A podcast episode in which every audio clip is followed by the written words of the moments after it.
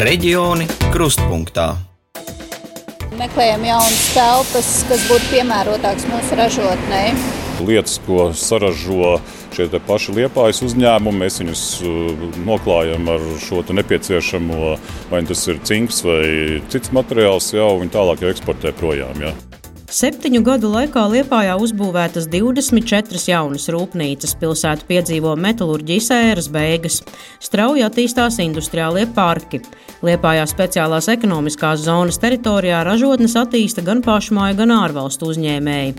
Kā transformējas biznesa vide un ko Liepājā ražo, par to šoreiz raidījumā reģiona krustpunktā vairāk interesējos es Inga Ozola. Liels darbs uz programmēšanu, vajadzīgs ļoti, ļoti daudz stundu, tāpēc, kad vadīs daļai mākslīgais intelekts līnija. Cilvēki faktiski vispār nebūs klāt, viņiem tur nav nekas jādara, viss darīs datori. Un mēs redzam, tur kaut kādas zaļas mucas, kas, kas tur notiek. tā viss ir ūdens attīrīšana. Viss, viss tas, ko mēs piesārņojam, visus ūdeņus mēs laižam caur neskaitāmiem sarežģītiem procesiem. Tā, visu to, ko mēs tam ūdenim pievienojam no savas puses, visas metāls un sāļus, mēs viņus atkal nosēdinām, atfiltrējam un aizlaižam atpakaļ pilsētai tīru ūdeni. Gadu mijā eksploatācijā tika nodota viena no jaunākajām ražotnēm Liepājā ICS propertī, kur viesošanās brīdī tiek uzstādītas nepieciešamās iekārtas darbības uzsākšanai. Uzņēmuma ražošanas vadītājs Ingus Sudmēls rāda un stāsta, kur atradīsies ūdens attīrīšanas iekārtas un citas sarežģītas tehnoloģijas. Viss sācies no hobija un sadarbības partneru aizraušanos ar senajiem spēkratiem, atklāja ražošanas vadītājs Ingus Sudmalis. Starts jau ir uh, daudzus gadus atpakaļ. Mazā darbnīciņā, kā hobijs. Iepazināmies tieši jā, faktiski dēļ ULDA hobija. Senie spēkrati, visa veida, sākot ar velospēdiem, beidzot ar senām automašīnām. Kaut kā kopīgi domājot un plānojot, tik tā tas viss ir atnācis. Tagad abi sadarbības partneri jau hobiju pārvērtuši liela un mūsdienīga mēroga uzņēmumā. Uldas Klaperis ir uzņēmuma SIA ICS property un SIA ICS stīla valdes loceklis. Viņš atklāja, kāpēc radusies nepieciešamība pašiem veidot rūpnīcu, kur varētu kvalitatīvi pārklāt dažādas metāla detaļas un konstrukcijas sajūta, ka Latvijā ir ļoti pieprasīta šī lieta, un izrādās, ka arī cinkošana ir ļoti vāja un ir dažas no padomu laikiem līnijas kaut kur saglabājušās. Ja, eh, tāda mūsdienīga šī pakalpojuma mm, Latvijā nav. Bet nu, šo rūpnīcu tā teikt, lēnām attīstot, mēs esam izveidojuši par nu, vienu no jaudīgākajām, pilnīgi noteikti Baltijā. Eh, kā viņi strādās ar pilnu jaudu. Ja. Mums ir uh, Eiropā lielākā elektropulēšanas līnija nerosējušam tēraudam. Otra tāda tikai otrā pusē okeānam Amerikā. Tāda izmērs vairāk nekur Eiropā uztaisīt nevar. Uh, tur mēs esam vien, vienīgie. Mēs esam inovatīvi izdomājuši visu to tehnoloģiju, kā to paveikt, jo līdz šim to īsti nebija iespējams izdarīt. Šobrīd jau ražojam detaļas, iet uz visu uz Ameriku. Detaļu garums līdz 10 metriem. Tas ir tas, kas bija tāds izaicinājums vienmēr visiem nopulēt vienmērīgi nerūsējušo tērauda detaļu, kas ir gara un sarežģīta. Jaunā ražotne atrodas salīdzinoši netālu no bijušā Liepājas metālurga. Tās būvniecībā ieguldīti 2,5 miljoni eiro. Pat ideja radusies jau 2017. gadā, dažu gadu laikā tā ir īstenota. Iecerēja bijuši arī vairāki šķēršļi, gan pandēmija, gan karš Ukrainā, kas sadārdzināja būvniecības izmaksas. Tāpēc tagad ir gandarījums par padarīto. Ielicām pēdējā vagonā, saka uzņēmuma valdes loceklis Ūdens Klaperis. Šodien mēs esam tikuši tik tālu, kad ir uh, uzbūvēta ēka ar CFLA atbalstu, ar ļoti lielu uh, liepājas sēdz atbalstu, ar uh, ļoti labiem liepājas uh, būvniekiem UPTK. Ja, kā, un, ja tāda komanda nebūtu kopā, tad nu, es domāju, šis projekts noteikti taptu daudz ilgāk, un varbūt arī, varbūt arī netaptu. Ja, kā, bet nu, ir tapis. Jā. Pie sasniegtā uzņēmējs neapstāsies, jo drīz kļūšot par šauru un sekos nākamā kārta. Klienti ir vietējie liepājas ražotāji arī no Rīgas un Lietuvas. Liepājas izvēle ražošanas uzsākšanai nav nejauša. Šeit ir ļoti daudz metāla apstrādes uzņēmumi, kas ir mūsu potenciālie un jau arī esošie klienti. Mēs esam tāds eh, eksportējošs eh, pakalpojumu sniedzējs, ja, jo eh, praktiski visas tās lietas, ko saražo šie paši liepājas uzņēmumi, mēs viņus noklājam ar šo nepieciešamo, vai tas ir cinks vai cits materiāls, jau viņi tālāk jau eksportē projām. Ja. Liepājas speciālās ekonomiskās zonas pārvaldnieks Uldis Miļevskis atklāja, ka pagājušā gadā eksploatācijā nodotas trīs rūpnīcas. Viena no tām ir vecās Ostmāls biznesa parkā, otra ir zivju pārstrādes rūpnīca Seafood un iepriekš minētā metāla pārklājuma ražotne. Protams, ka mēs to turpināsim, un te mums aiz muguras ir lielā metālurga teritorija, kurai gada sākumā parakstījām pirmo līgumu par eh, investīcijām eh, infrastruktūrā. Tad, tad jau šogad sāksim izbūvēt gan pirmās ielas ar visām komunikācijām, gan elektroapgādi, lai uzņēmējiem būtu, kur pieslēgties. Nu, Tiecīgi strādājam arī pie investoru piesaistes jau bijušās rūpnīcas Liepājas metālurgas teritorijā. Liepājas industriālo teritoriju attīstības sākuma punkts ir 90. gada stāsta Uldis Miļevskis. Tas brīdis, kad Padomju Savienība sabruka, Liepājas ražošanas uzņēmumi, kurus savu ražošanu bija orientējuši uz noiet tirgiem bijušajā Padomju Savienībā, Tad viņu klientūra vairs nebija. Uz rietumu tirgiem pārorientēties nemācēja. Gan tehnoloģijas nebija atbilstošas rietumu prasībām, gan arī pašiem zināšanas, valodas kontakti nebija. Un tad ļoti daudzas ēkas faktiski palika tukšas. Bija ļoti liels bezdarbs. Pagrieziena punkts bija 97. gads, kad tika pieņemts likums par Liepājas speciālo ekonomisko zonu. Otrs pagrieziena punkts bija Liepājas sezonu pilsētas vadības vizīte 90. gada beigās uz Dāniju, tirzniecības misiju uz Dāniju, kur izdevās izdevās pārliecināt vienu dāni, metāla ražotāju Lārsu Fogu, nākt uz Liepāju. Sākt ražot Liepājā. Viņš atnāca sākumā Laumas telpās, tad iegāja bijušā gaļas kombināta teritorijā, saprata, ka tas viņam ir pa lielu, sāka aicināt citus skandināvu uzņēmumus. Tad faktiski šis gaļas kombināts, kā tāds industriālais parks, kā tāds inkubators, izveidoja. Tajā faktiski ir attīstījušies visi tie liepājas uzņēmumi, kur šobrīd var lepoties jau ar simtiem darba vietu. Tad neviens nevarēja iedomāties, ka reiz beigsies metālurģijas ēra un sāksies pavisam cita, kas paredz ļoti daudzveidīgu ražošanu Liepājā. Industriāla teritorija sēž attīsta karostā un tagad arī metālurga teritorijā, taču pašvaldība nebūvē ēkas pati, kā ir citās pašvaldībās, bet sakārto infrastruktūru, ielas un komunikācijas.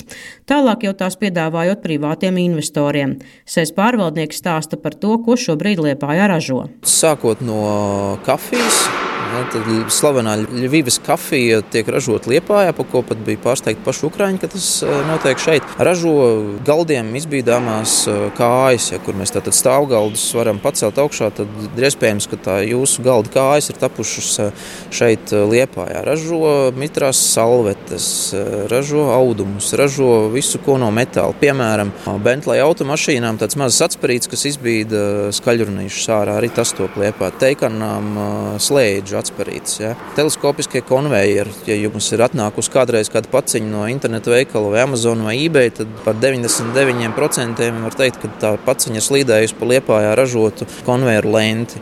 Elpošanas aprīkojums ūdens līdējiem un ugunsdzēsējiem, taps medicīniskie matrači, elektronika, sadales skapji, automātiskās vadības sistēmas, ražošanas iekārtām, nu, faktiski eh, diski lauksaimniecības tehnikai.